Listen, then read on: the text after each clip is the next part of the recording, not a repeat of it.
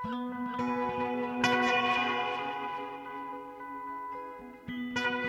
og sæl kærlustendur.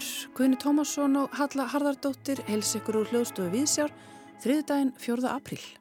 Í þætti dagsins Stabat Mater, glataður snillingur og óræð myndlist í Hafnafjörði. Við ræðum við Hallvegu Rúnarsdóttur, sóbransöngkonu í þætti dagsins, um eitt dáðasta tónverk baraktímans, Stabat Mater eftir Pergolesi, sem sami var við einn þekktasta sálm kristninar. Hallvegmun flytja verkið á samt hildugunni Einarstóttur og Kammersveit Reykjavíkur á skýrdag í Hallgrímskirkju. Hafnarborg menningamiðstöð Hafnarferðar verður viðkomistöður okkar í þætti dagsins.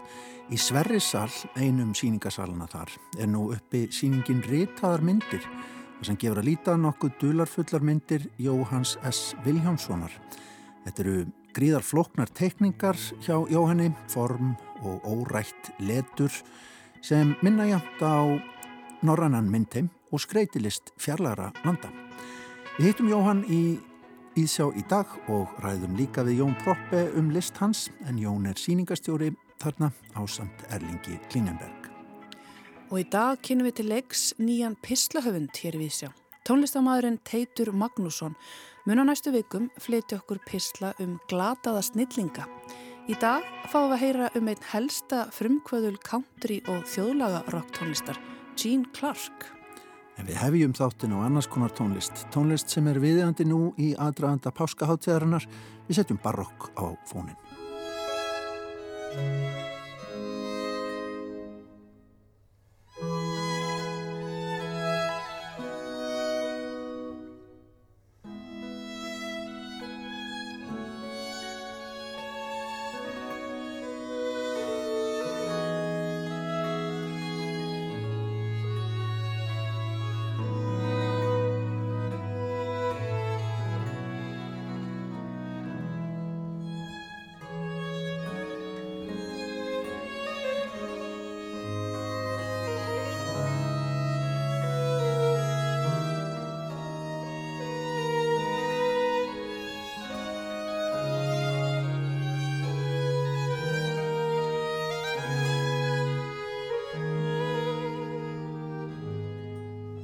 Hér heyrðu við hægan kabla úr kirkjusálmi eftir Corelli, opus 3, nr. 5 í D-mól. Þetta er hluti af einu þeirra verka sem flutt verður í Hallgrímskirkju nú á skýrdag. Eh, það eru ansi flottir tónleikar í vendum og sópransöngunan sjálf er hinga komin. Verður velkomin Hallveig Rúnarsdóttir. Takk fyrir. Þetta er svona til að gefa aðeins fílingin, forsmekkin að því sem að koma skal þessari hátilegu stemningu sem verður þarna í Hallgrímskirkju. Þið ætlaði að flytja, já, þrjú verk og uh, Stabat Maters eftir Pergolesi, náttúrulega hátindurinn þarna. Já, það er svona stærsta verkið á tónleikunum um, og óbúslega gaman að fá taka þátt í því að það er hérna, alveg merkilegt að við hildugunur einastóttir allt sönguna sem er bara eina mínum bestu vinkonum líka. Við erum búin að tala um það í mörg, mörg, mörg ára langa til að gera þetta. Alltaf var einhvern veginn, það var alltaf á planinu og við ætlum að reyna hvort að við fyndum einhver, einhver alltaf að spila með okkur og hvernig við ætlum að útfæra þetta. En svo vorum við rosalega gladar í haust þegar Björn Steinar í Hallmungskirkju ringdi bara í okkur og baði okkur að vera með og, og sagði okkur að Kamisveit Reykjavíkur ætlaði að spila sem er náttúrulega uppfulla bestu hljóðfórleikurum landsins. Þannig að ekki voru við nú ósáttar með það. Þannig að þetta er algjör draumur að rætast Er þetta í fyrsta sinn sem að þú flyttur þetta verk? Já, ég hef aldrei sungið þetta á tónleikum. Ég nema bara þegar ég krakki að það er sko til nokkru útgáður af þessu. Til útgáða fyrir badnakór og einsöngara mm. og líka fyrir blandakór og einsöngara og svo þessi sem er kannski mest flutt sem eru bara tveir sólistar. Ég söng þetta nefnilega rosa mikið með sko í kórnum hjá mömmu þegar ég var krakki, skólakokkarabar. Þetta er auðvitað bara eitt fræðasta verk vestrætnar tónlistar. Heldur betur og maður alveg ofbóðslega, ofbóðslega fallegt og ég held að kaplinn sem ég valdi til þess að við hlustum á í lok viðtals, það er bara eitthvað fallegasta sem hefur verið skrifað nokkuð tíma. Segð mér aðeins frá þessu verki, Stabat Mater, þetta Já. er... Um, Já, ég held að sko stór hluti stærstu nafna vestrætnar tónlistarsögu hafi tekist á við þetta eða sami sitt Stabat Mater, en þetta er ljóð. Já, þetta er sem sagt stóð við krossin mærin mæra uh, og uh, sem sagt er þýðingin, íslenska þýðingin af, af þessu ljóði og er svona lament í raun og veru flutt á, á fyrstudaginn langa þegar, þegar uh, Marja stendur við, við krossin hjá sinni sinum, Jésu, fjallar um það sem sagt. Og þetta er auðvitað, eins og ég segja, þetta er alveg ótrúlegt verk og það sem er svolítið gaman við það er að sko það er vitað að hann skrifa þetta því að það er náttúrulega nokkur verk sem eru sem sagt eignuðunum sem er alls óvist að hann hefur skrifað en það vitað að hann skrifaði þetta. Uh, hann skrifar þetta á síðustu dögunum sem hann lifir. Á bara á dánarbeðinu. Á dánarbeðinu og það, mér finnst þetta svo merkilegt uh, svona uh, merkilegu speill á, á Requiem eftir Mozart. Einmitt. vegna þess að það er þetta eins, það er þessi svona eh, lament texti eða, eða sem sagt Requiem texti, þetta er náttúrulega ekki, ekki Requiem textin sjálfur en, en þetta er, þú veist, í þessari sömu stemningu. Og hann sé að skrifa þetta döðveikur af, af Berglum 27 ára gammal Að skrifa svona verk 27 ára? Já það er eitthvað. það lítur að vera eitthvað lífsreynsla að fara baki til að tilfinningin sem er í gangið þarna. Já, þetta var náttúrulega á þeim tíma sem að kannski fólk liður ekki alveg slengi þannig að liður kannski raðar, ég veit það ekki. Einmitt.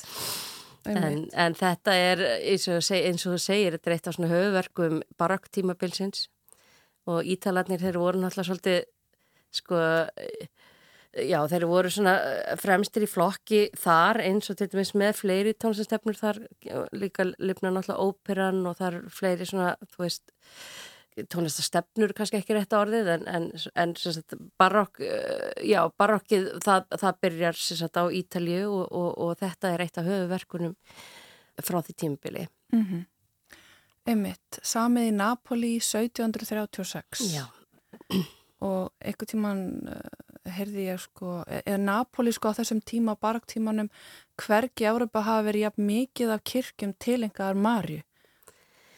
Nei, þeir eru náttúrulega, Ítalarnir eru ennþann það í dag mjög uppteknir af Marju mei og ég meina það, þú keirir ekki um, um, um sveitagötur á Ítalið nema rekast á alveg nokkrar Marju stittur upp í ykkurum klettum fyrir ofan veginn mm -hmm.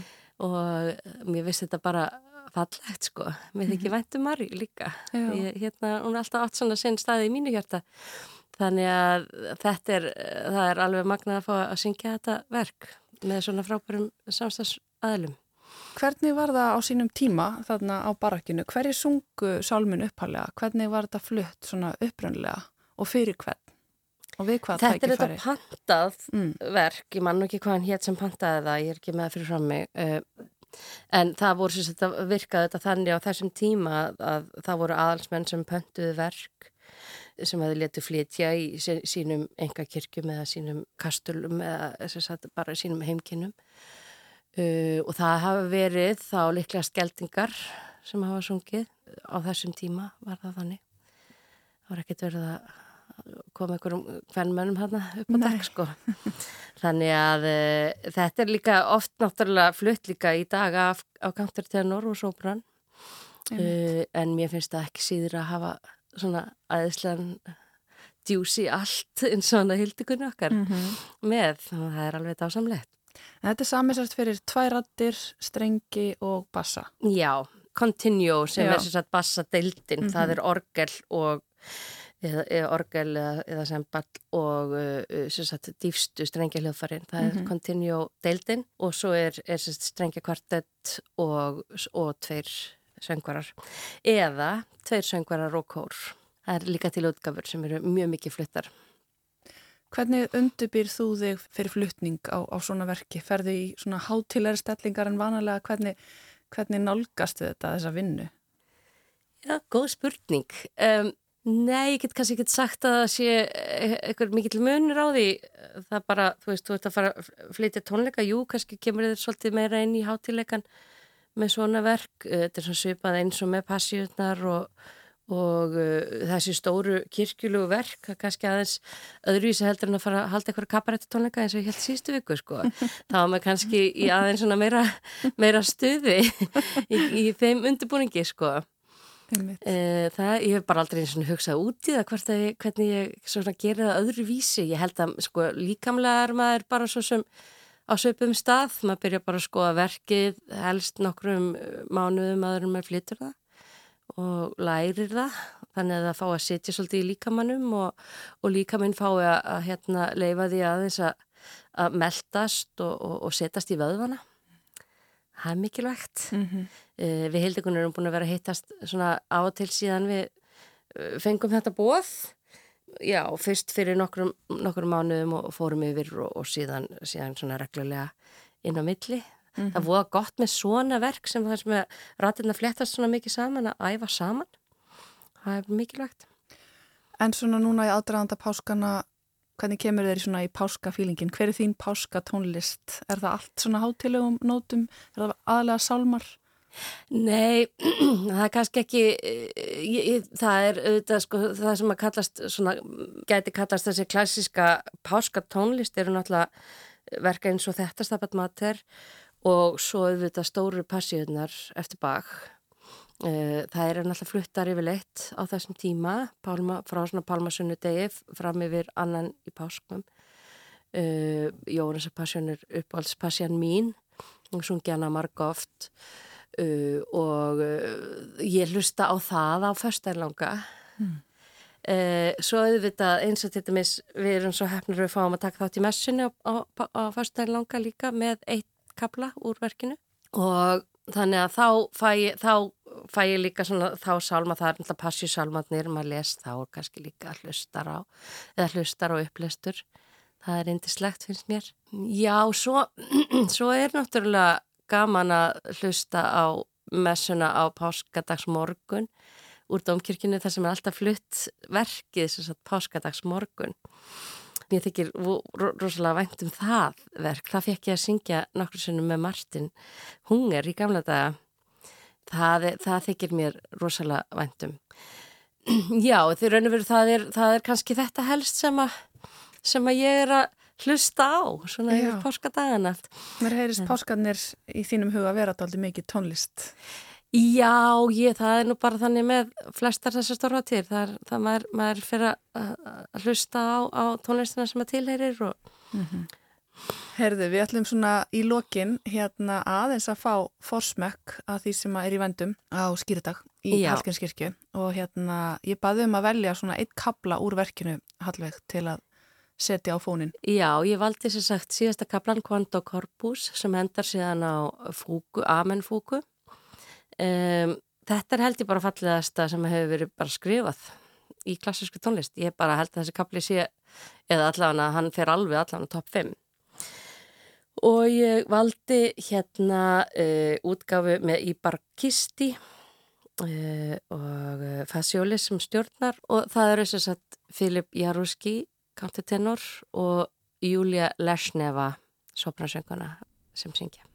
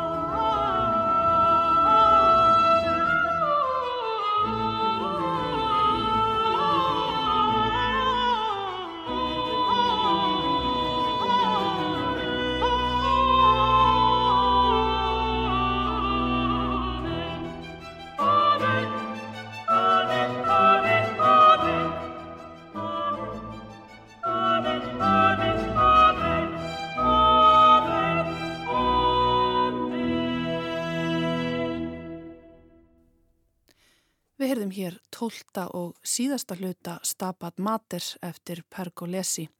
Það voru þau Júlia Lesneva og Filip Jarúski sem sungu. En á skýrdag verður hægt að hlýða á þær Hallvegu Rúnarsdóttur og Hildikunni Einarsdóttur flytja verkið á samt Kammersveit Reykjavíkur í Hallgrímskirkju. En þá yfir í myndlist. Ritaðar myndir heitir forvitnilega myndlistsýning sem nú er uppi í Sverrisal í Hafnarborg í Hafnarfyrði. Þar á verk Jóhann S. Viljánsson sem ungur byrjaði að teikna og í áfram þótt viðtækju annir fullorðins árana. Um 60 veiktist Jóhann alvarlega en hann hefur verið frá vinnu síðan en í staðin hefur hann helgað sig myndlistinni og sínt til dæmis verk sín í galleri í Portland í Oregon í bandaríkjanum. Þetta eru sérstaðar myndir unnar á pappir, Jóhann notar ímiskonar bleg og liti. Hugurinn leitar í fornan norrænan menningararf en líka í list, skrift, fjarlæra menningar heima. Þannig er þó allt óskiljanlegt ef úti það er farið eða kannski fullkomlega skiljanlegt. Við fórum í Hafnaborg í dag og hittum Jóhann S. Viljánsson og líka Jón Proppe sem ásamt Erling Klingenberg er síningastjóri þessara síningar. Jóhann, uh, myndlistín, hvað getur þú sagt mér um hana? Ertu búin að ástunda myndlist lengi? Já, Já ástundan lengi en ekki að fullu fyrir, fyrir eh, eftir 2010 og hérna til mig þurfa ljúka æfistarfi á nokkrum árum. Og svo ég vinn alla daga yfirleitt átt á mótnana og ég tek mér svona tvissar smá hlýja stundum sopna ég aðeins en ég er að yfirleitt til 10-11 á kvöldin. Alla daga. Ég er að trubla þig núna með því að draga þig. Nei, nei, nei. En, en, en þannig sko mikið það, það sem ég geri eða þetta var vekkferð hjá mér að komast að Asemik og mér var reynda bara sagt það af konu í bandaríkanum, eldri konu að ég ætti heima með Asemik fólkinu. Mm. og þá googlaði ég Asemik Segðu okkur hvað þú fannst. Og það var eins og að koma heim. Nú? það var, tilfinningin var sko var eins og ég væri tí ára og ég viði komið í Kópaví þetta var eins og að koma heim. Listakonur sérstaklega núna er að skipta yfir úr abstrakt eða fara yfir í þessa tegunda abstrakt. Alveg, alveg, það er alveg röðaðum Hér rugglast útsendari Víðsjár, augna blik. Hann heldur endilega að myndirnar eigi uppruna sinn í einhverju óþögtu erlendu menningar samhengi. En svo er ekki. Jón Proppe kemur til hjálpar. Þetta er sem sagt asemisk skrift, er eh, skrift sem, sagt, sem ekki hefur neina merkingur, flytur engan bóðskap. Þetta er semjón úr grísku af sömurót og, og semjólógia og semjólógia er fallar um merkingu, satt. Asemist er sem sagt ánmerkingar. Einmitt, það, það, var, það var þetta sem ég vildi fara að, að setja mig á eitthvað landakort sko. það er, er ekki það, þetta er bara merkingar leysa. En sko stórmálarar út í heimi hafa hverju gripi til þess.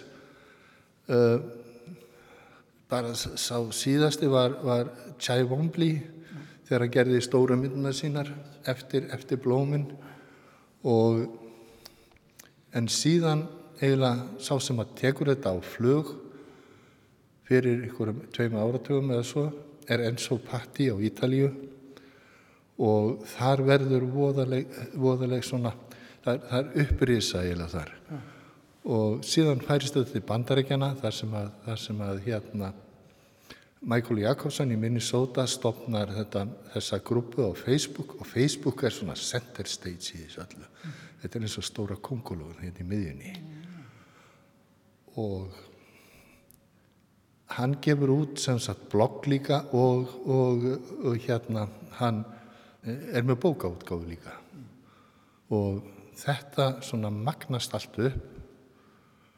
Og, en ég hafði byrjað á þessu 1990 og eitthvað 6-7 eftir ég hafði farið til Parísar. Og við vorum í, í hérna Sacré-Cœur vorum að skoða útskurðin hérna hægra megin þegar var verið að skýra hérna megin og skindilega hljómaði tónunum frá prestinum og ég sá hana eins og hvita línu að slæðuð fara eftir kirkjuloftinu og ég held að ég hefði tapað þessu þarna. Ég, þetta væri bara búið. En það er svo aftur sko, svo til þess að skella speil og þetta, að þá gerist það fyrir tilviljum þegar ég er 63 eða 5 ára eitthvað þarum bil. Ég er komin á þann aldur að árin fljótaðins til og þá er ég í, í stóri þunglindiskoðun hjá Íslenskri erðagreifingu upp á höfða, einhverju sálfræði fyrirtæki. Það gengur allt vel að þetta var mikil kannun og svo að henni í lokinni þá fæ ég einhverjum vikum setna sendt heim bref sem að hljómaði svona. Það sem í ljós hefur komið að þú ert á einhverfur úvi. Þá ætlum við að bjóða þér að taka þátt í einhverfur rannsókn hjá okkur. Og einhverfur róf og ég snýri mig bara tölfunni, alveg skelvingu lostin og slóð þess inn.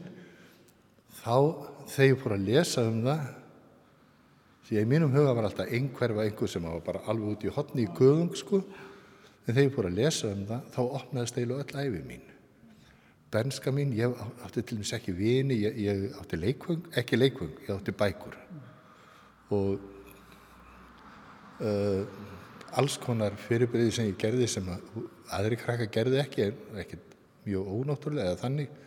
Vist, ég gekk á tánum í fjölda ára og svona.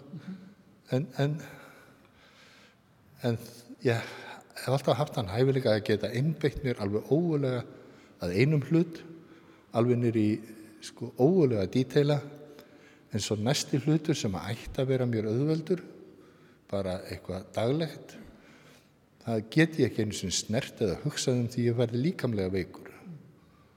Og þetta hefur svona gert það verkum að líf mitt hefur svona skáskotist svona framhjá skauta framhjá hlutum sem að og ég áttaði mig skyndilega á þessu. En ég held að það hafi mitt hjálpað mér til þess að til þess að hérna að þegar Margareta Tjó gamla konan segir you belong with the Asemic people þá googlaði ég það og fann þetta og var komin heim eftir það var ekki eftir snúið ég mun ekki gera öðruvísi myndir um að ég lifi En sko engin merking segiði uh, samt, samt eitthvað merking Jú Jú, merkingin fælst í þér sem áhörfanda. Ef við göngum að þessari mynd hérna, mm -hmm. þá þarf ég ekki að útskýra sérstaklega fyrir þér um hvað þessi mynd er. Mm. Hún byrjar á gullnum ringið það ekki, mm -hmm. síðan kemur sendibref, undirskrift, svo kemur marblettur hérna, Já. svo kemur undirskrift og svo kemur gullni ringur sem smöts hérna og síðan kemur postskriptum uh -huh. sem er starra en brefið. Þú verður að finna hvað þetta er. En, en letrið, er það ekkert? Sem sagt, nema, nema bara í mínum lestri?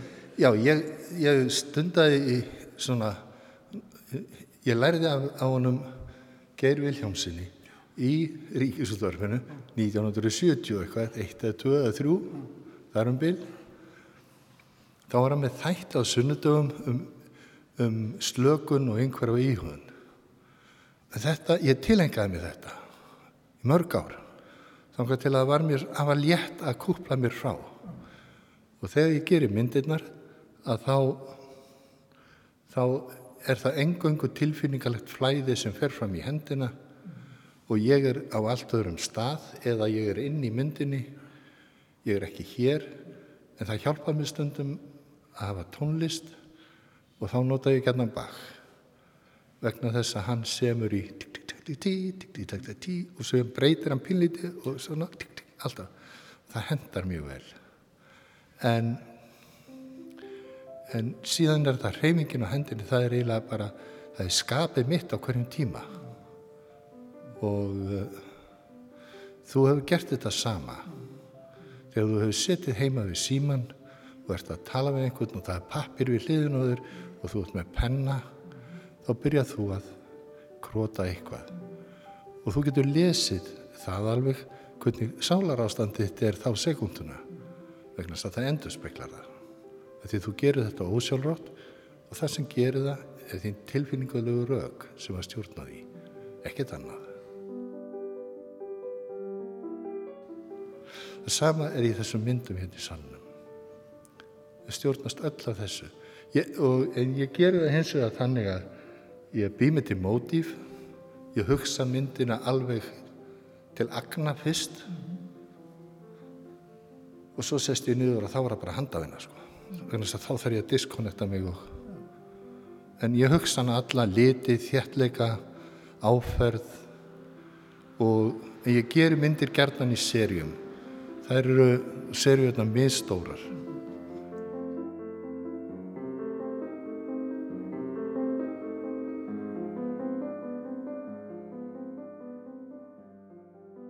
Þetta hérna var sko, það var nú Jón sem vildi fá smámyndir og ég átti til haugaðum og ég átti til þess að ramma svo ég þeim að skellt upp hérna þetta heitir bara asemik eins og að leggur sig Þetta, þessar þarna myndir eru hluti af sjálfsæfisöguminni sem að byrjar á fjórum dagbladsíðum af þessum fjórum dagbladum sem voru gefin út 25. april 1950 Tíminn, Morgonblæði, Þjóðvilin og Alþjóðblæði.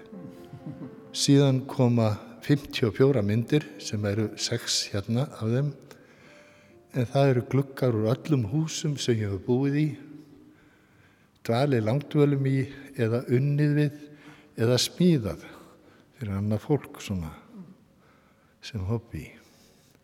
Síðan kemur röð af myndum sem að fjalla um tíman. Þegar þú sér þennan ramma sem er hérna í kring, þá er það þannig sem ég tekna tíman. Og tíminn er eins og miðgarstormur umlikur heiminn og eh, innan hans er veröldin. Innan þessa ramma er veröld myndarinnar. Það er hugsunin. Fyrir utan að það er rammina, rammina, ramma sem að höfða mjög vel til mín. Og það er hérna komið að já hérna eru tvær myndir sem eru undar þrjár saman í í setti en einn þeirra er á er á sapni er á listbókasapni í Bandaríkjón þessar hérna Hérna ertu, ég ætla að fá að spyrja þér hérna til þessar. Hérna ertu með landslag. Já einhvers konar, eða þetta er ekki, ég myndi segja að þetta veri minning, minningum landslag. Þetta er, þú getur hverki punktað þetta landslag niður.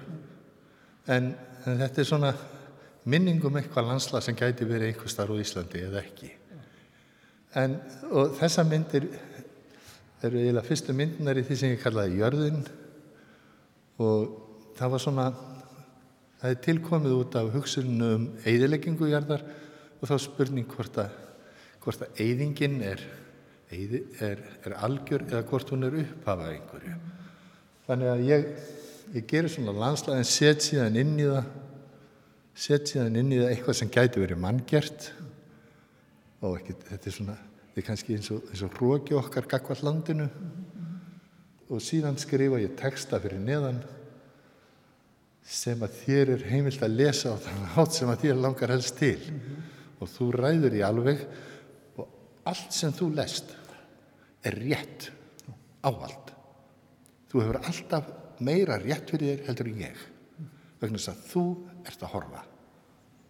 Takk fyrir það. Og svo þessar hérna eru sko partur af því sama ég held þessu, ég, ég, ég, það, er, það er þessi, þessi einhverfur rós þráhyggja mín að ég sko hætt, get ekki hætt stundum en síðan þessar fjórar hérna þá fjalla þær um nánd eða proximity. Þá er ég að endur spekla líf mitt í sjálfu sér. Þetta, ég tekið þetta allt innanfrá og þetta er annarkvært úr bókmyndum sem ég höfða til uh, minni minni, minni þjóðar minni fólks. En það er þetta að hlutinni hjá mér voru alltaf þannig að, að það innsynkaði aldrei það, það náði aldrei saman. Það var alltaf bara nánd var það besta sem ég hafi fengið út úr einhverju. Þessar hérna myndir eru úr síðasta hluta verk sem að ég byrjaði á þegar um leið og COVID-serían byrjaði og ég gerði fyrst 20 myndir um djöfulun eða djöfulgangin, þar voru alla mjög svartar. Og þá var það vinum minn sá sem að settu upp, kom til Íslands og valdi myndir á sínum tíma í 2018 og settu upp stóra síningu í Artridge Gallery í, í Portland í Oregon 2019 hann kvatti mig til að halda áfram og sagðist myndi gefa þetta út í bók. Og þá urðu þetta fjóri kaplar þar að segja uh, ógnin skilningurinn lækningin, hýling og síðan hvernig getur við risið sem mannfólk upp úr svona kalamiti, upp úr svona óskapnaði og mín sín strax þá var svo að við gætum ekki gert það nema með sköpun og tíminn sem umleikur allt, umleikur myndina og veröld myndarinnar. Nú þarf ég að halda aðra síningu til að halda á síðan. Sko Jón, ég ætla að spyrja þig út í þetta. Jón Proppið, þú ert síningarstjóri, sko...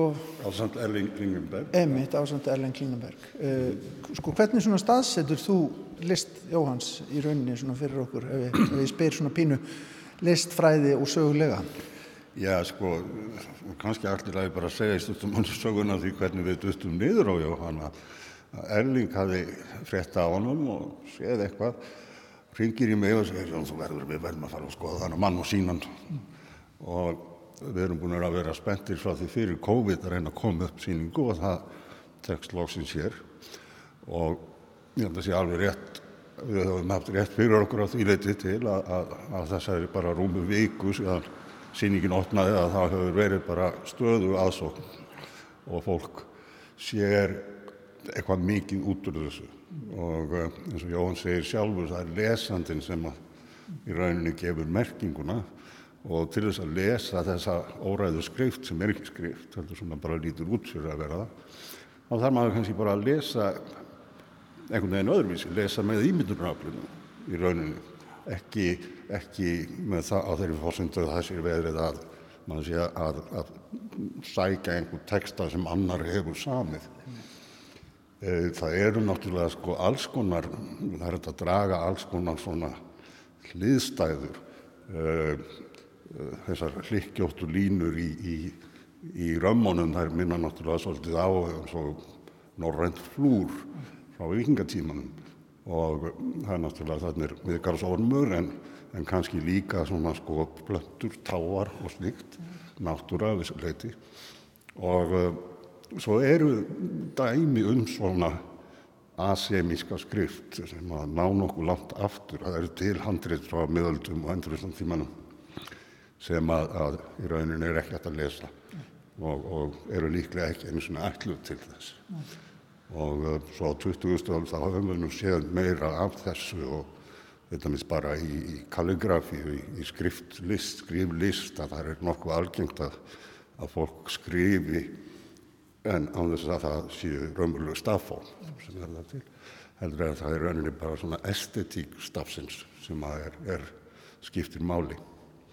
Eh, svo erum líka djúpa rætur í alls konar hugmyndarlist og í bókmyndum og og Jóhann er gríðarlega vel lesin þannig að, að hann dregur þetta víða af og, eh, og svo er það þessi einstaka einbytting sem hann hefur til þess að hugsa þessar flokknu myndir niður í smáadriði og auðvitað minnir þetta líka pínuleitir stundum á handrit veist, og, og hérna gömul handrit um, frá miðausturlöndum eða, eða, eða hvaðan sem er skreitt handrit. En uh, fyrst og fremst að það er þetta nú bara hann er eiginlega alveg sér á bátu með þetta. Og það er það sem mér finnst svo indislegt að, eh, að hitta mann sem að er ekki á neittnátt að abba eftir neinum öðrum Saði Jón Proppe um list Jóhans S. Viljánssonar við hittum þá tvo í Hafnaborg fyrr í dag Og þá er komið að nýjum pislahöfundi hér við sjá tónlistamæðurinn Teitur Magnússon ætlar á næstu vikum að segja okkur frá glimtum snillingum úr tónlistasögu 20. aldar. Hann rýður á vaði í dag með pistilum einn helsta frumkvöðul country og þjóðlagarokk tónlistar, Gene Clark.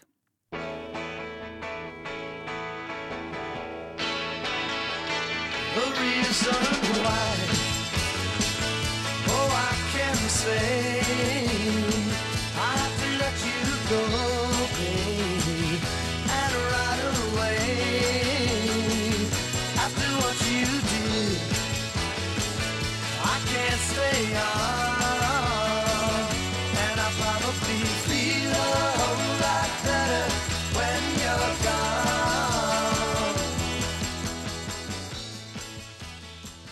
Söngaskáldið Harold Eugene Clark fætist 17. november árið 1944 í smábanum Tipton í Missouri fylki bandaríkjana.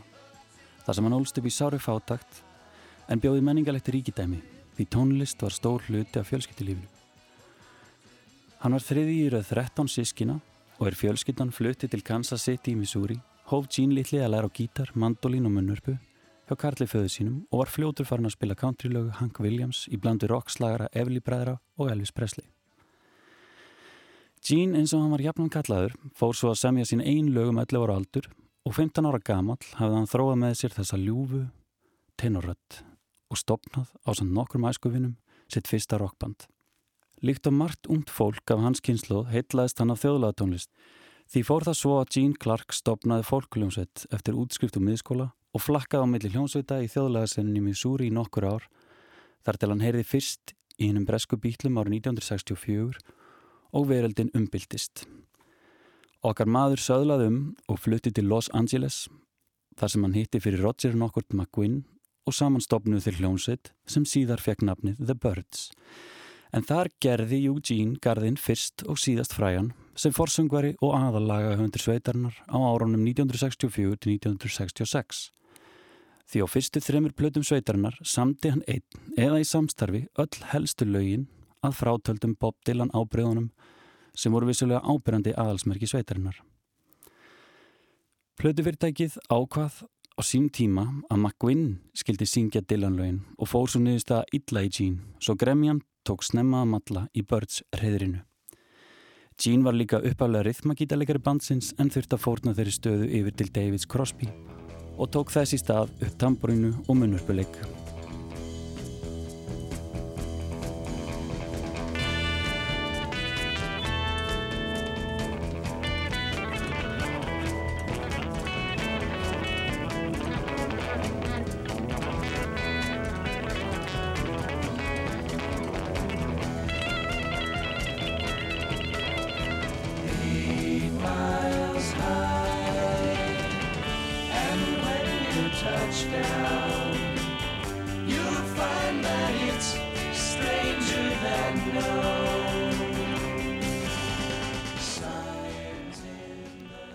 Hljómsveitafélagar Jeans öfunduði hann vegna stefgjaldana en það samti hann bróðupart frumsöndu lagana.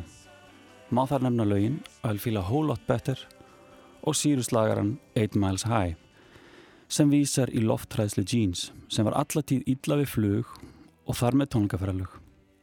Að öllum líkitum var hann traumatiseruður eftir að hafa orðið vitni að hörmulegu flugslýsi í æsku. Eftir þrálatar innanbúadeilur hjá Birds bræðurum vegna alls þessa saði Jean skili við sveitina í sama mund og fræðar sól hennar skein sem skærast. Og hóf sóloferil sem reyndist listrænt þreikvirki þó sölu tilurnar stæðust aldrei aðstu væntingar útgefanda.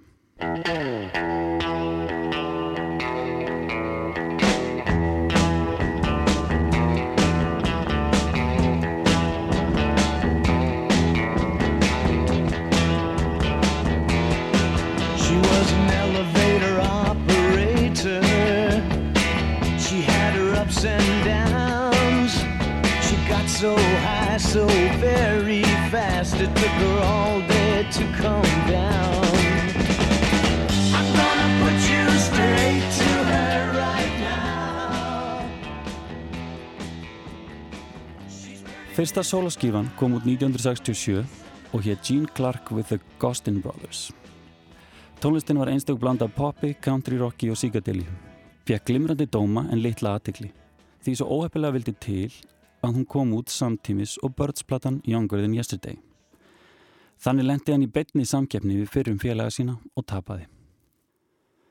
Eftir þennan skell hóf Gene samstarf með banjóleikar að nafni Doug Dillard og samanstofnuðu til hljómsðina Dillard and Doug Nobody ever loved me like she does me. Ooh, she does me. She does me good. And if somebody ever really loved me, then she done me. She done me good. Don't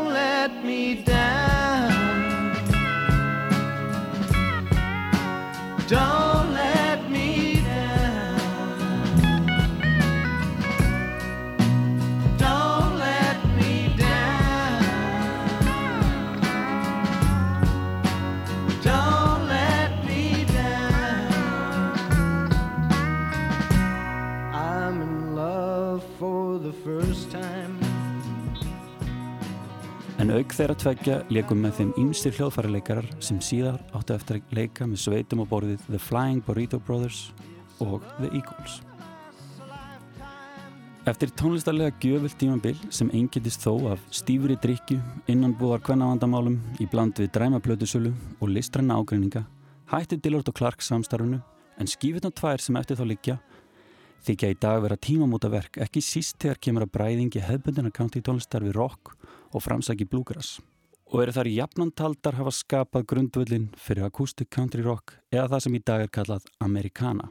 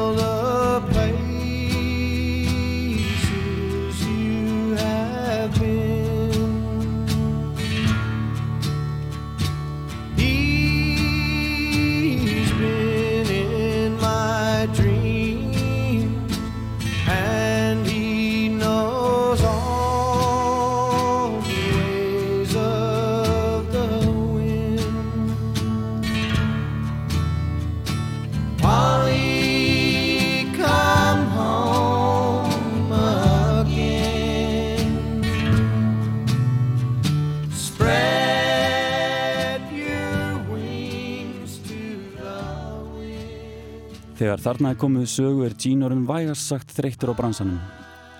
Hann flytur í smábáinn Albion í Kaliforníu og stopnar þar heimili. Giftist fyrirverandi gógodansaranum Carly McCummings í júni 1970 og saman eignastu sinnina Kelly og Kai. Árið 1971 kom út önnur soloplata hans, White Light.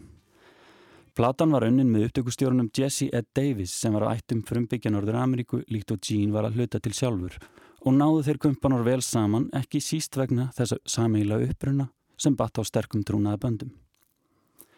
Platan er á rólegum nótum, hljóðheimurinn borin uppi af kassagítar með einstaka stálholkstróku og skartar hún læginu For a Spanish Guitar sem Bob Dylan rósaði sem einu besta lægi sem samið hefur verið.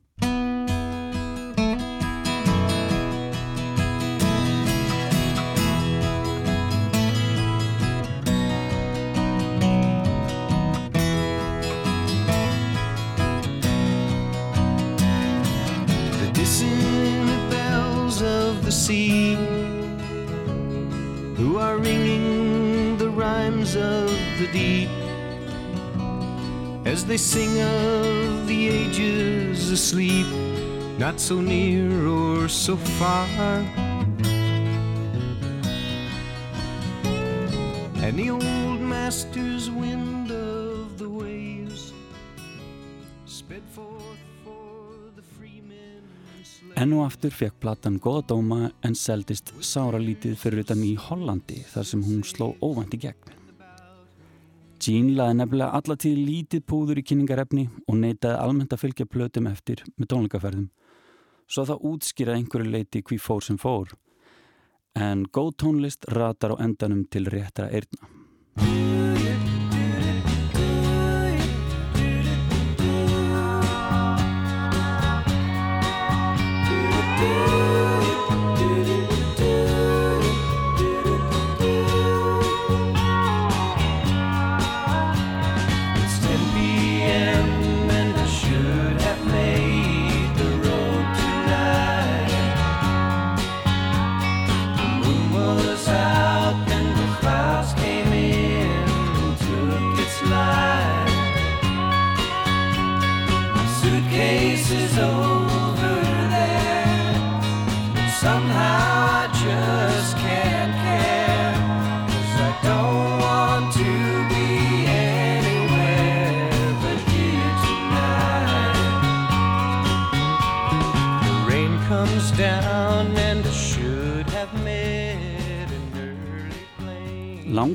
Upptökuferli þriðjiplötu Jeans sem hlaut titilinn Roadmaster allir því að plötufyrirtæki sleitt alfarið samstarfi kappan og fór svo að platan kom engöngu út í Hollandi.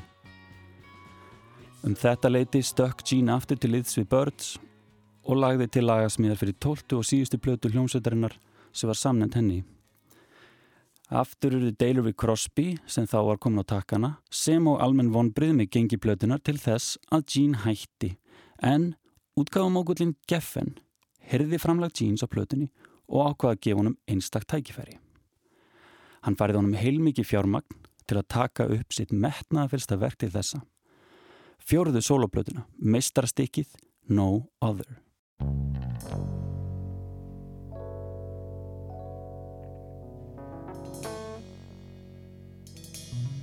Laugin voru samin í litla glósubók á kassagítar meðan Jean horfi út um gluggan á herbygginu sín í Albjón og fylgdist með kirrahafinu bærast í fjarska.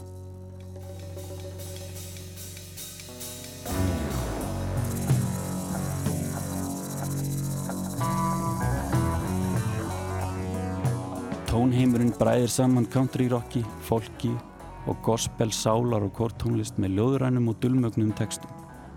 Útkoman er kingi magna verk sem engin sannur tónlistaraðdáðandi ætti að átta fram hjá sér fara.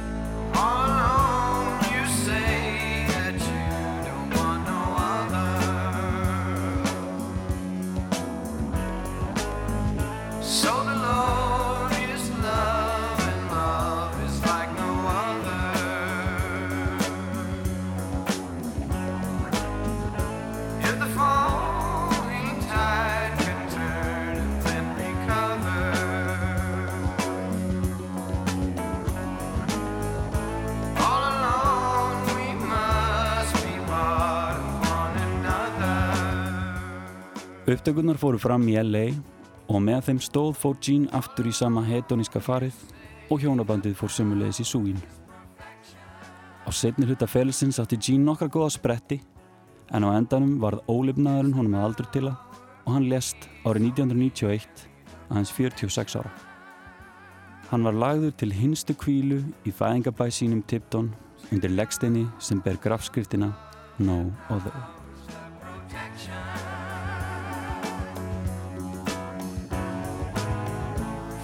time.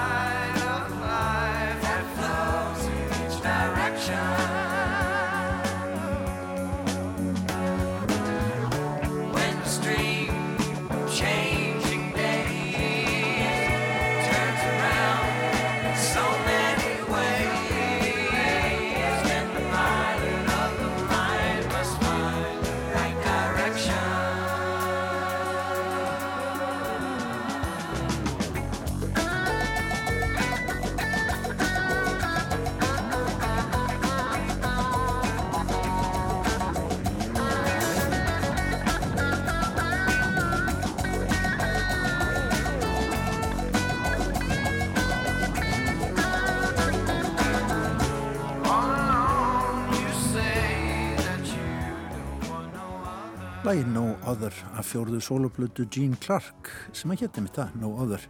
Það var Teitur Magnússon sem að sagði okkur frá þessum frumkvöðli úr heimi country og þjólaða tónlistar og Teitur verður hér aftur með okkur á næstu vikum, segir frá fleiri glemdum snillingum vikulega. Já, en það er komið að lokum við sér í dag. Takk fyrir samfélgina og verið sæl.